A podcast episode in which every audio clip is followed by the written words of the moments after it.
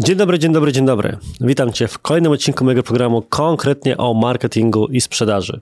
I dzisiaj mógłbym rozpocząć od takiej frazy, której często się używa chyba w sprzedaży back by popular demand, czyli powrócił, powróciła, powróciło z powodu wielkich oczekiwań i głosów publiczności, gdyż ponieważ Ponownie moim gościem będzie Mateusz Machulski ode mnie z zespołu Digitalk, z którym porozmawiamy sobie tym razem o błędach w kampaniach Google Ads, z którymi spotykamy się najczęściej.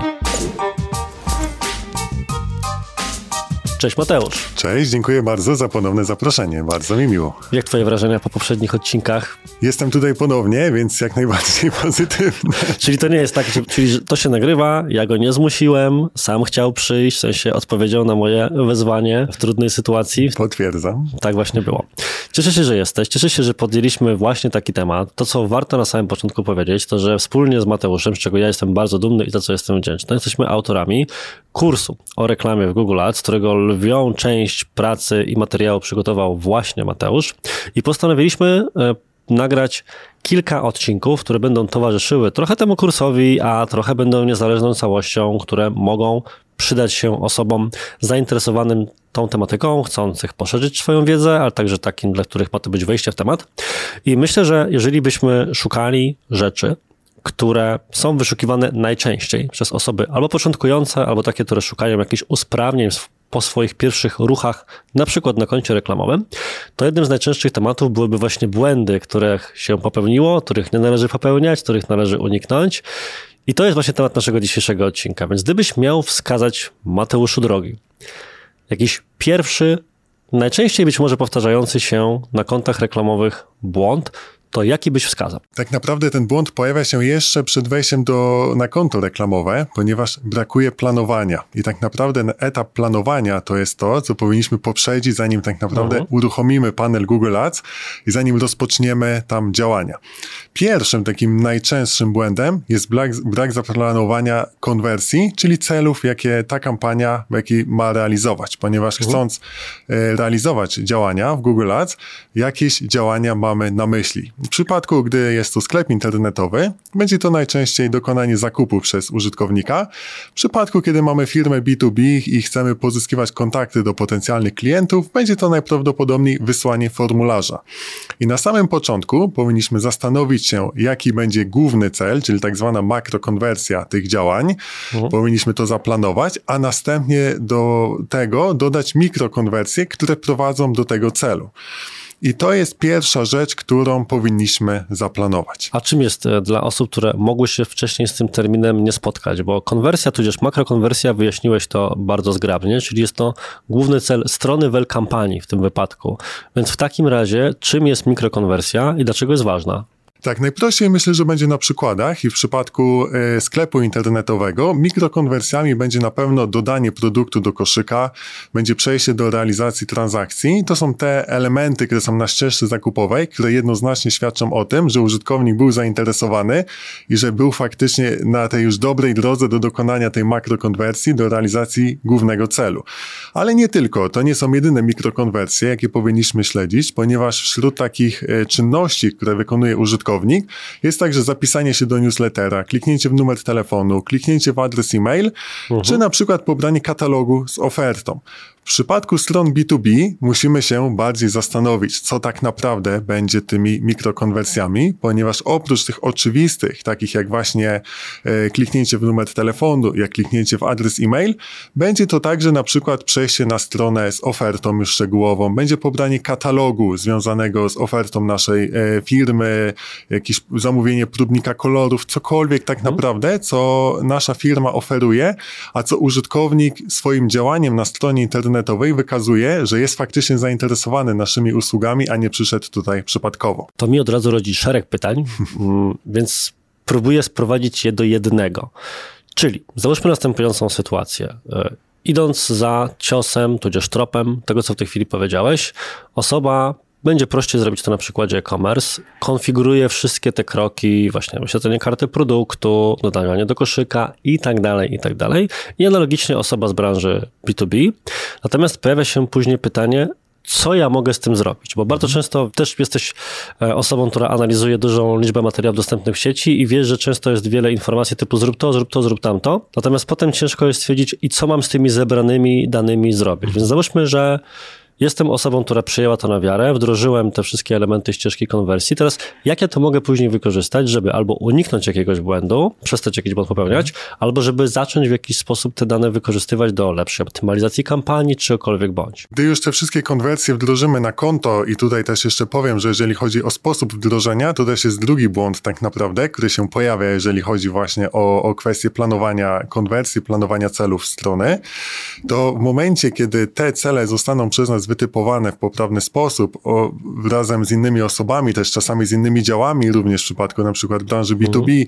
wybierzemy, co na pewno warto, warto tutaj mierzyć, jakie konwersje warto dodać, to sposób dodania tych, tych konwersji jest istotny, ponieważ mamy dwa takie sposoby. Jest to albo tak konwersji Google Ads, albo import konwersji Google Analytics i zdecydowanie warto tutaj skorzystać z tego pierwszego sposobu, ponieważ dokładność tych konwersji jest wtedy większa w momencie, kiedy dodajemy te konwersje w taki sposób. Mhm. I to, co warto zrobić w drugim etapie, to jest zaplanowanie struktury kampanii i dopasowanie właśnie tych celów do poszczególnych etapów, ponieważ w momencie, kiedy uruchamiamy kampanie reklamowe, nie powinniśmy kierować tego samego komunikatu do osób na różnym etapie decyzji zakupowej, ponieważ mamy osoby, które jeszcze nie znają naszej marki, osoby, które wiedzą, że potrzebują takiego rozwiązania, jakie my oferujemy, ale niekoniecznie wiedzą, że to rozwiązanie, które my mamy, jest dokładnie tutaj ich rozwiązaniem, mhm. a także osoby, które są zdecydowane i tak naprawdę musimy dać już ten komunikat sprzedażowy. Takim błędem, którym często się spotykamy jest to, że są tylko i wyłącznie te kampanie sprzedażowe, które już są na tym ostatnim etapie związanym czy to z zamówieniem już produktu, czy to z umówieniem się na konkretną wizytę, a nie ma tych poszczególnych wcześniejszych etapów związanych właśnie z tym, e, z tymi innymi intencjami, czyli chociażby z dodaniem do koszyka, czy zobaczeniem tylko i wyłącznie oferty. Także powinniśmy podzielić wtedy te konwersje na poszczególne etapy. I tak, do osoby, która tak naprawdę dopiero jest na początku ścieżki, dopiero e, pierwszy raz weszła na naszą stronę, wystarczy, że zrealizuje konwersję taką, jak na przykład wyświetlenie dwóch podstron. Możemy taki cel zaimportować z Google Analytics i w momencie, kiedy ta osoba już od, odwiedzi dwie podstrony, to znaczy, że już jest zainteresowana naszym, e, naszym, naszą stroną, nie odbiła się tylko i wyłącznie od naszej strony. W drugim mhm. etapie, w momencie, kiedy już zbijamy obiekcje, w momencie, kiedy już e, tutaj przekonujemy tą osobę do naszego produktu, może to być na przykład dodanie do koszyka, może to być na przykład pobranie oferty. W trzecim etapie, takim celem, który świadczy o realizacji e, tego celu, z realizacji konwersji, będzie właśnie czy to umówienie wizyty, czy e, zakup produktu, czyli już ta nasza makrokonwersja. Ale to muszę tu teraz właśnie wejść z trochę wrócić do pytania pierwotnego, mhm. ale trochę połączyć te rzeczy ze sobą, bo zakładam, że jeżeli słucha tego ktoś, kto nie do końca rozumie tak przekrojowo jak ty, cały panel Google Ads, mhm. to może nie wiedzieć, jak to ułożyć pod kątem struktury konta. I tak. ja wcielę się, pozwól w rolę właśnie takiego laika w tym temacie, żeby jako adwokatus diaboli te pytania zadawać. I wątek pojawia się teraz następujący. Czy to oznacza na przykład, że albo konkretny typ kampanii Google'owych, mhm. typu być może Google Display Network, a być może Search, albo jakiś konkretny rodzaj ustawienia kampanii, czy to w searchu, czyli w wyszukiwarce, bądź inny, powinniśmy na przykład ustawiać na grupy docelowe osób, które nie były na stronie i wówczas tym celem jest to, co powiedziałeś, czyli na przykład liczba odwiedzonych podstron, jeżeli tak, to dlaczego właśnie to? Czy wówczas, idąc dalej tym tropem, powinno być na przykład tak, że tylko w remarketingu jest cel zakup, więc próbuję, mhm. do czego zmierzam? Próbuję powiązać ten wątek strategiczny, o którym mówisz, z aspektem czysto wykonawczym, mhm. żeby to się skleiło w całość potencjalnemu odbiorcy, bo nie jestem pewien, czy do końca zrozumiała jest sytuacja, w której właśnie trzymając się tego jednego przykładu, e, celowość ustawienia kampanii z konwersją typu liczba odwiedzonych podstron mhm. dla jakiejś grupy docelowej. W sensie, w czym to jest lepsze tak. od ustawienia typu, ok, osoba, która wchodzi na moją stronę, ma jedno zadanie, ma kupić, więc tak to ustawmy, żeby system optymalizował to pod zakup właśnie? To najlepiej podam, odpowiem na to pytanie na bazie przykładu, na hmm? przykład przykładu sklepu internetowego. Bardzo rzadko zdarza się tak, że wchodzimy, szukamy jakiegoś produktu, na przykład szukamy telewizora i już od razu dokonujemy zakupu. Najczęściej potrzebujemy kilku, nawet siedmiu, ośmiu kontaktów ze stroną, aby takiej transakcji dokonać. I biorąc pod uwagę, że jesteśmy na początku, dopiero poszukujemy telewizora, potem poszukujemy konkretnego modelu, a potem dopiero dokonujemy zakupu, jesteśmy na różnych etapach i tak samo mamy klientów, którzy także są na różnych etapach świadomości i świadomości zarówno jeżeli chodzi o podjęcie decyzji. I dlatego tworząc strukturę kampanii Google Ads, tworząc również cele związane z tym, powinniśmy podzielić kampanię na co najmniej trzy takie etapy. I o, pokrótce może opowiemy o każdym, mhm. o każdym z tych etapów. Jasne. Pierwszym etapem jest etap świadomości. Tutaj docieramy do osób, które jeszcze nie były najczęściej na naszej stronie i chcemy dotrzeć z nim do nich, że mamy rozwiązanie ich problemu, że mamy produktu, które, którego szukają.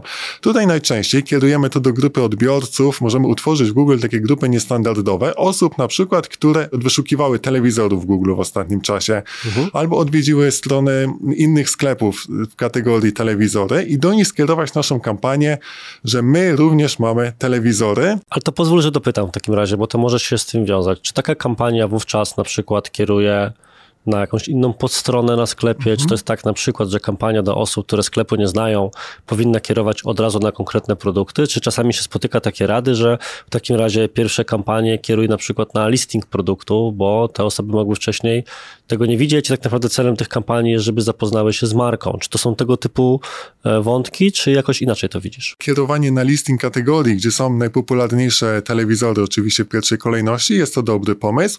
Często też ostatnio się spotykamy z tym, że realizując kampanie dla naszych klientów, świetnie się sprawdzają też kampanie kierowane na bloga, ponieważ bardzo często firmy prowadzą swojego bloga i na przykład tam piszą, jaki telewizor wybrać, jaki telewizor będzie najlepszy w ciemnym pomieszczeniu, pomieszczeniu na przykład, jaką matrycę wybrać. I w momencie, kiedy ktoś wpisuje dane pytanie w Google, a wiadomo, że szukając jakiegoś produktu, przygotowując się, zbieramy tą wiedzę ekspercką, przygotowujemy się do tego zakupu, to w tym momencie wyświetlamy mu stron, stronę blogową, więc to w ogóle nie jest tak naprawdę y, kampania sprzedażowa, tylko tak naprawdę edukujemy tego klienta, szukamy go po samej intencji, ponieważ jeżeli szuka najlepszego telewizora, jeżeli się orientuje, jaka matryca będzie najlepsza, no to z dużym prawdopodobieństwem możemy powiedzieć, powiedzieć, że on znajduje się w naszej grupie docelowej i w tym przypadku nie miałoby większego sensu kierowanie kampanii na cel zakupowy, prawda? Ponieważ ten klient dopiero chce się dowiedzieć, jaka matryca będzie dla niego najlepsza, a on od momentu tego, kiedy się dowie, jaka będzie matryca najlepsza, do momentu zakupu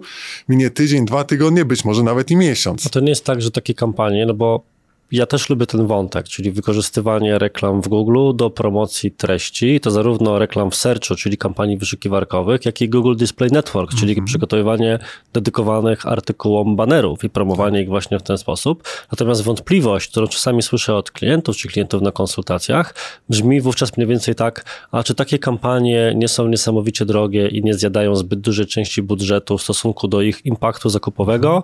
No bo przecież hasła typu jaki telewizor do salonu, czy co cokolwiek, są wpisywane tak często, że mogą wyssać niemalże cały budżet pewnie w jeden dzień, więc jak to wówczas sugerujesz zadresować? To na pewno zależy od branży mocno, bo są branże mniej lub bardziej konkurencyjne, ale generalnie są to frazy z tak zwanego długiego ogona, czyli są to frazy bardzo mocno sprecyzowane, gdzie ta konkurencja jest zdecydowanie mniejsza niż na te frazy bardziej popularne. W momencie, kiedy wpisujemy konkretny model telewizora, to wszystkie, to wszystkie duże sklepy się na to promują, więc tam ta konkurencja jest ogromna. W momencie, kiedy mamy takie już bardzo precyzyjne pytanie związane właśnie z matrycą, związane e, jaki, salon, jaki telewizor do salonu i tak dalej, to w tym momencie ta konkurencja jest mniejsza i tym możemy również wygrać. I z naszego doświadczenia tutaj koszt za kliknięcie jest zdecydowanie niższy niż w przypadku kampanii typowo sprzedażowych, typowo produktowych. Jest to A... często dobry sposób, żeby właśnie ten tani ruch pozyskać. A jaki to może być koszt? Tak dla osób, które wiesz, nie puszczały takich kampanii i kojarzą już Google Ads, że no pewnie parę złotych za kliknięcie, bo tyle kosztują, czy tyle się mówi w popularnych mhm. hasłach,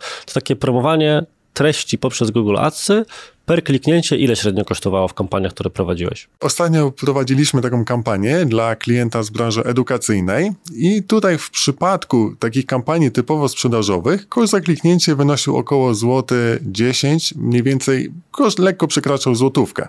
W przypadku prowadzenia kampanii na bloga koszt za kliknięcie wynosił około 15-20 groszy, więc to naprawdę była spora różnica. Było to pięciokrotnie tańsze kliknięcie, ponad pięciokrotnie tańsze kliknięcie. A co ciekawe, pomimo tego, że to nie była kampania sprzedażowa, to tyle zakupów tam wpadło, tyle zapisów tak naprawdę na lekcje, że i tak ta kampania sama na siebie zarobiła. Także naprawdę, pomimo tego, że intuicyjnie wydaje się, że nie ma sensu kierowanie na bloga i że, że to jest niejako przepalanie budżetu, to tak naprawdę ja się z tym, ja się z tym nie zgadzam, ponieważ musimy tak naprawdę ten nasz lejek sprzedażowy, jak to się, jak to się mówi, zapełnić e, klientami i to jest faktycznie taki sposób, taki, taka sztuczka tak naprawdę, aby zrobić to naprawdę w niskim koszcie. To, co mnie bardzo zainteresowało i myślę, że jest rzeczą, którą przyznam szczerze, przy moim przeglądzie rynku oczywiście, pewnie w jakimś stopniu ograniczonym, bo nie do wszystkiego dotrę, to jednak chyba unikalną, w sensie nie słyszałem nikogo, kto o tym by mówił, to jest to ten wątek mierzenia jako konwersji i w jakiś sposób wykorzystywania w kampaniach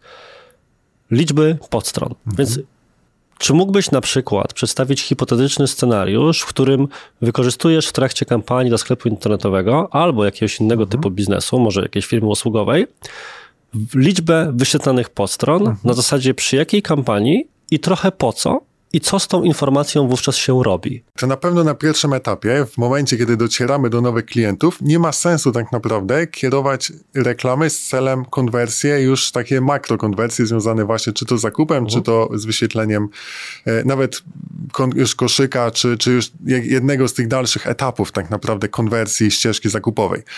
I takimi sposobami na to, aby właśnie złapać ten wartościowy ruch, ponieważ założeniem tak naprawdę tych kampanii na tym pierwszym etapie etapie, na tym etapie e, świadomości jest to, aby dotrzeć do jak największej liczby osób potencjalnie zainteresowanych naszym produktem i wybrać te osoby, które dają nadzieję na to, że skonwertują na naszej stronie, czyli dokonają tego celu, na którym, na którym nam zależy. I takim sposobem właśnie na to jest to, aby zaimportować z Google Analytics i po połączeniu oczywiście konta, ponieważ to jeszcze tutaj jednym z takich błędów jest to, że użytkownicy często, klienci często nie łączą swojego konta Google Ads z kontem Google Analytics, z kontem YouTube. Warto to zrobić na samym początku, ponieważ te dane są bogatsze i mamy więcej informacji na, na temat naszych kampanii, możemy je lepiej optymalizować. I w momencie, kiedy te dane, kiedy te konta mamy połączone, możemy z Google Analytics importować cel, że jeżeli użytkownik użytkownik odwiedzi dwie, trzy podstrony, to wtedy również realizuje taką mikrokonwersję, realizuje cel. I w tym momencie, jeżeli kierujemy na jakąś stronę, tak samo możemy również zrobić ze scrollowaniem. Czyli w momencie, kiedy użytkownik na przykład jest na naszej stronie co najmniej 10 sekund, 20 sekund i przeskroluje artykuł blogowy o 75%, czyli go przeczyta w domyśle, to również możemy uznać, że jest osobą zainteresowaną naszą stroną, że faktycznie ten artykuł go zaangażował.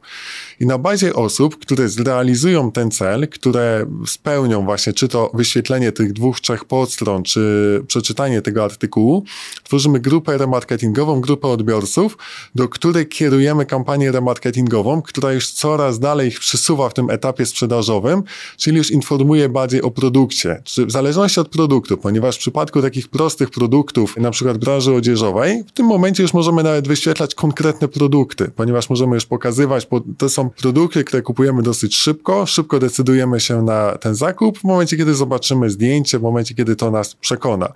W branżach bardziej skomplikowanych, kiedy musimy zbić jakieś obiekcje, kiedy też musimy przekonać, z czego wynika wysoka cena na przykład produktu, jest to etap, w którym możemy pokazywać, yy, dlaczego ten produkt jest droższy, dlaczego właśnie warto skorzystać z naszych usług lub, lub też po prostu edukować na temat tego produktu, pokazywać jakieś unikalne cechy naszego produktu. Na przykład w branży budowlanej mamy klienta, gdzie pokazujemy konkretne cechy tego produktu, który wyróżnia go od konkurencji. I klient dzięki temu znowu wraca na naszą stronę i wtedy przy już ten, tym celem, który on powinien zrealizować, jest przejście dalej, czyli na przykład skorzystanie z konfiguratora produktu, dodanie do koszyka albo wykazanie już takiej intencji, która już jest trochę wyżej niż tylko i wyłącznie wyświetlenie dwóch podstron. Czyli z Twojej perspektywy ten rodzaj optymalizacji kampanii jest de facto metodą na generowanie jakościowego ruchu, czyli mhm. osób, odróżnienie osób, które nawet weszłyby z Google, ale są potencjalnie niezainteresowane, od osób zainteresowanych. Przyznam szczerze, że bardzo mi się ten wątek podoba, bo ja jestem wielkim orędownikiem tego, że jednym z głównych wyzwań marketingu efektywnościowego, czy tak, tak zwanego performance marketingu, tak, czyli właśnie tych kampanii płatnych, takim jakim są Google Ads, jest umiejętność generowania jakościowego ruchu, nad którym Paradoksalnie, większą kontrolę mamy w mediach społecznościowych niż Google z mojej perspektywy. Już tłumaczę dlaczego. Dlatego, że wiesz, jeżeli robię kampanię na LinkedInie, to mogę ją ustawić po konkretnych stanowiskach albo nawet po konkretnych firmach do ludzi, więc niezależnie od tego, co im wyświetlam, to wiem, kto wszedł i wiem, że te osoby są w moim targecie. Natomiast kiedy po prostu reklamuję wspomniany telewizor, produkt edukacyjny, coś z branży budowlanej, to wejść mogą osoby, które na koniec dnia stwierdzą, to jest poza moim zakresem cenowym, to jest poza mm, to mi się po prostu nie podoba, bo z jakiegoś powodu szukam czegoś innego. I co to później psuje? To później sprawia, że mamy remarketing wyświetlany w dużej części do ludzi, którzy teoretycznie są zainteresowani marką, bo wpisali jakiś związany z branżą słowo kluczowe, ale na koniec dnia wcale ich to nie interesuje. Mhm.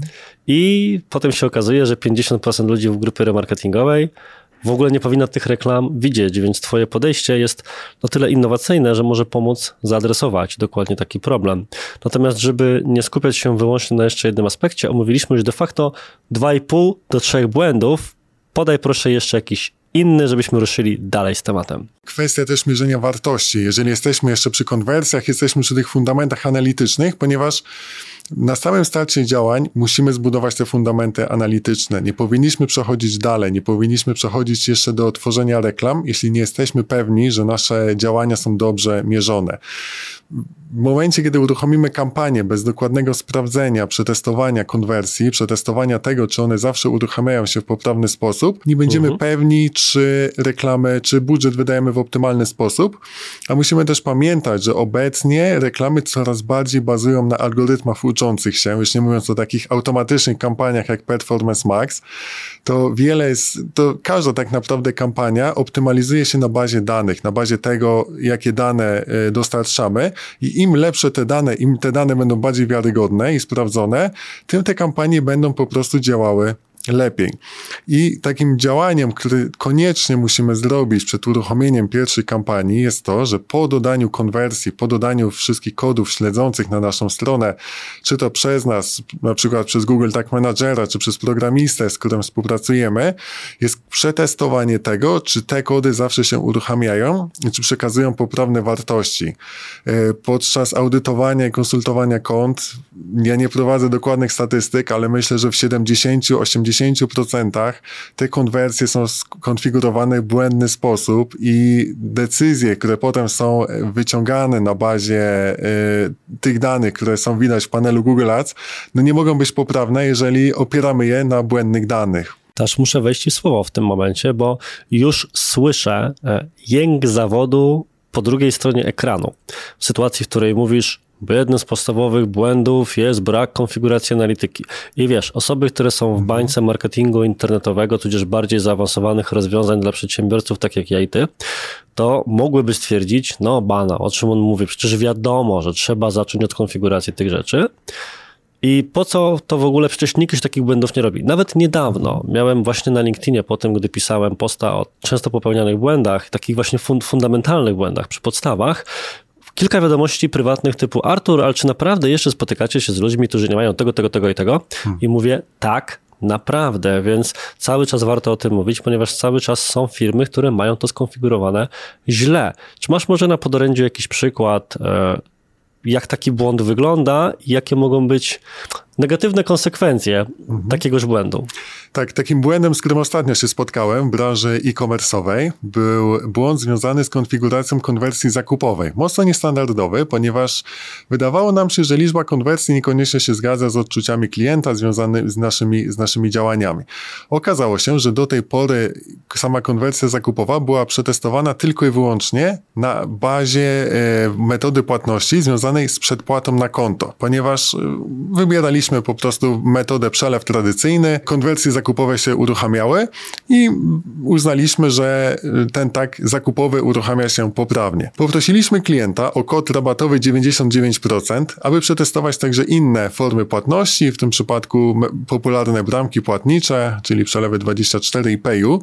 I w momencie, kiedy kupowaliśmy poprzez jedną z tych bramek płatniczych, system kierował na inną stronę z podziękowaniem za zakup i na tej stronie podziękowania ten tak zakupowy się nie odpalał. Pech chciał, że to była najpopularniejsza bramka płatnicza. Na szczęście to wykryliśmy, ale no, trzeba tutaj na pewno myśleć niestandardowo i testować wszystkie możliwe formy, chociażby poprzez kod rabatowy 99%, aby w zależności też jakie małe produkty w sklepie, ale żeby przetestować każdą z form płatności, każdą z możliwości, nawet taką niestandardową, aby mieć pewność, że zbieramy wszystkie dane, bo naprawdę konsekwencje tego, że w tym przypadku no niemal połowa konwersji zakupowych nie rejestrowała się poprawnie, no to był duży, e, duży ubytek w danych, na co cierpiała optymalizacja, optymalizacja reklam. To jest ciekawy przykład. Ja kiedyś dostałem do zaudytowania konto Google Ads, bo nie jestem aż tak wybitnym specjalistą w tym temacie jak ty, ale swoje w życiu robiłem i pamiętam moje wrażenie, gdy odpalam konto Google'a i nagle widzę setki konwersji. Mm. Setki, a to była firma usługowa. Mówię, wow, to ja się z tego audytu dowiem więcej niż sam w niego wniosę. Po czym rozczarowanie przyszło bardzo szybko, kiedy okazało się, że konwersją taką rzekomo docelową, czyli typu wysłanie formularza, ktoś po prostu się machnął. Zamiast konfigurować ją po kliknięciu przycisku wyślij wiadomość, ona się uruchamiała za każdym razem, to ktoś po prostu odpalał pod stronę hmm. kontakt, więc na 3000 wizyt na stronie typowej firmy, która wiesz, ma zakładki typu o mnie, oferta, o, o nas, oferta, kontakt, co trzecia wizyta była de facto konwersją, więc hmm. No to jest taki błąd, który łatwo wykryć i szybko go widać, chyba że ktoś po prostu nie ma dostępu do takich rzeczy. Natomiast te rzeczy, które ty powiedziałeś, są dużo bardziej wartościowe, dlatego że pokazują, że diabeł tkwi w szczegółach i nawet takie rzeczy należy sprawdzać. Czyli jakby miał tak naprawdę podsumować, to najczęstsze błędy, które się zdarzają przy konfiguracji konta Google Ads na samym początku, to przed wejściem do panelu reklamowego to jest brak poprawnie skonfigurowanych konwersji i przetestowania ich. Naprawdę Pierwszym, pierwszą rzeczą, jaką powinniśmy zrobić, to prawidłowe podpięcie tych e, zdarzeń. Drugą rzeczą jest brak prawidłowych wartości tych konwersji, ponieważ nie zawsze jest to skonfigurowane poprawnie i na przykład wejście na stronę mierzone jest jako przychód, co nie jest, co nie jest prawdą i tutaj zakup, jeżeli chodzi o wartość, powinna to być tylko i wyłącznie wartość zakupowa, to co wpływa faktycznie na konto. Trzecią rzeczą jest brak struktury kampanii, czyli to, co się, tak naprawdę to, co łączy dwa wątki, ponieważ mamy brak struktury kampanii i brak odpowiednich konwersji dopasowanych do, odpo do odpowiednich e, etapów tego lejka sprzedażowego i to, abyśmy podzielili to, co, jaka, oso jaka osoba na jakim etapie powinna realizować, realizować jaki cel. I w momencie, kiedy te trzy rzeczy mamy, to przechodzimy do kolejnych etapów związanych z odpowiednią stroną docelową, z odpowiednim komunikatem, abyśmy się wyróżnili wśród konkurencji, z odpowiednim kierowaniem też reklam, abyśmy docierali do osób, które faktycznie są w naszej grupie odbiorców, a prowadząc e, konta, prowadząc audyty, też często się spotykam z tym, że nie ma wykluczeń, na przykład grup wiekowych, jeżeli produkt na przykład jest kierowany do osób do 35 roku życia, a większość budżetu pochłaniają osoby 65+, plus, no to niekoniecznie są to ustawienia, które zostały dobrze, dobrze przygotowane na koncie. I już nawet po tym twoim podsumowaniu i wątków, które przemyciłeś zgrabnie jeszcze w trakcie, widać, że e, błędów moglibyśmy wymieniać jeszcze długo, długo, długo i długo. Natomiast myślę, że nie ma co punktować cały czas kampanii, które się nie udają i w tym momencie mogę już zaprosić na kolejny odcinek z Mateuszem, który pojawi się za czas jakiś, w którym Zamiast skupiać się na negatywach, skupimy się na pozytywach i opowiemy innymi o tym na przykład, jak zacząć swoją kampanię e, w Google Ads, żeby właśnie wszystkich tych błędów z jednej strony uniknąć, a z drugiej strony mieć pewność, że zostało to ustawione po prostu tak, jak powinno być, czyli dobrze. Więc na dziś to już wszystko. Gorąco dziękuję wszystkim widzom, słuchaczom, obserwującym, tym, którzy zapoznali się w dowolnej formie z tym materiałem. Za uwagę z mojej strony bardzo się cieszę, Mateusz, za wszystkie rzeczy, które powiedziałeś. Wiele z tych rzeczy uważam nie pojawia się w innych materiałach o Google Ads, a jest ich bardzo dużo. Na tym polega właśnie unikalność Twojej wiedzy. Cieszę się już na samą myśl o naszych kolejnych nagraniach. Jeżeli macie jakiekolwiek pytania do Mateusza, zadawajcie je proszę w komentarzach, bo być może, jeżeli zbierze się odpowiednio dużo materiału, to poza tymi tematami, które my sobie wspólnie zaplanowaliśmy, to będzie również materiał na, przykład bonusowy odcinek w formie questions and answers, którym moglibyśmy je zaadresować. Czy coś na sam koniec chciałbyś jeszcze dodać? Chciałbym zaapelować o przetestowanie konwersji raz jeszcze i dziękuję raz jeszcze za zaproszenie. Niech to będzie zatem wyzwanie do działania z tego odcinka. Jeżeli mielibyście zapamiętać, by zrobić jedną rzecz, to niech to będzie przetestowanie swoich konwersji w każdej formie, a nie tylko w jednej. To naprawdę ratuje pieniądze i pozwala zarabiać więcej. Do zobaczenia w przyszłym tygodniu już na regularnym odcinku i cześć. Dziękuję bardzo. Ty ile razy, ile można wciskać rec? No bo wiesz, musi być jak najlepiej. Czy widzę, że na automacie jest Automat to jest, wiesz, nie tryb, tutaj. tryb auto. Wiesz, sekunda, bo jeszcze chcę zobaczyć. Auto się do końca nie wczytało. Mówię, autofokus jeszcze. No, nie, muszę, muszę tam wcisnąć, gdzie ma łapać. Tyk, cyk, tutaj. Tylko, że piękny był.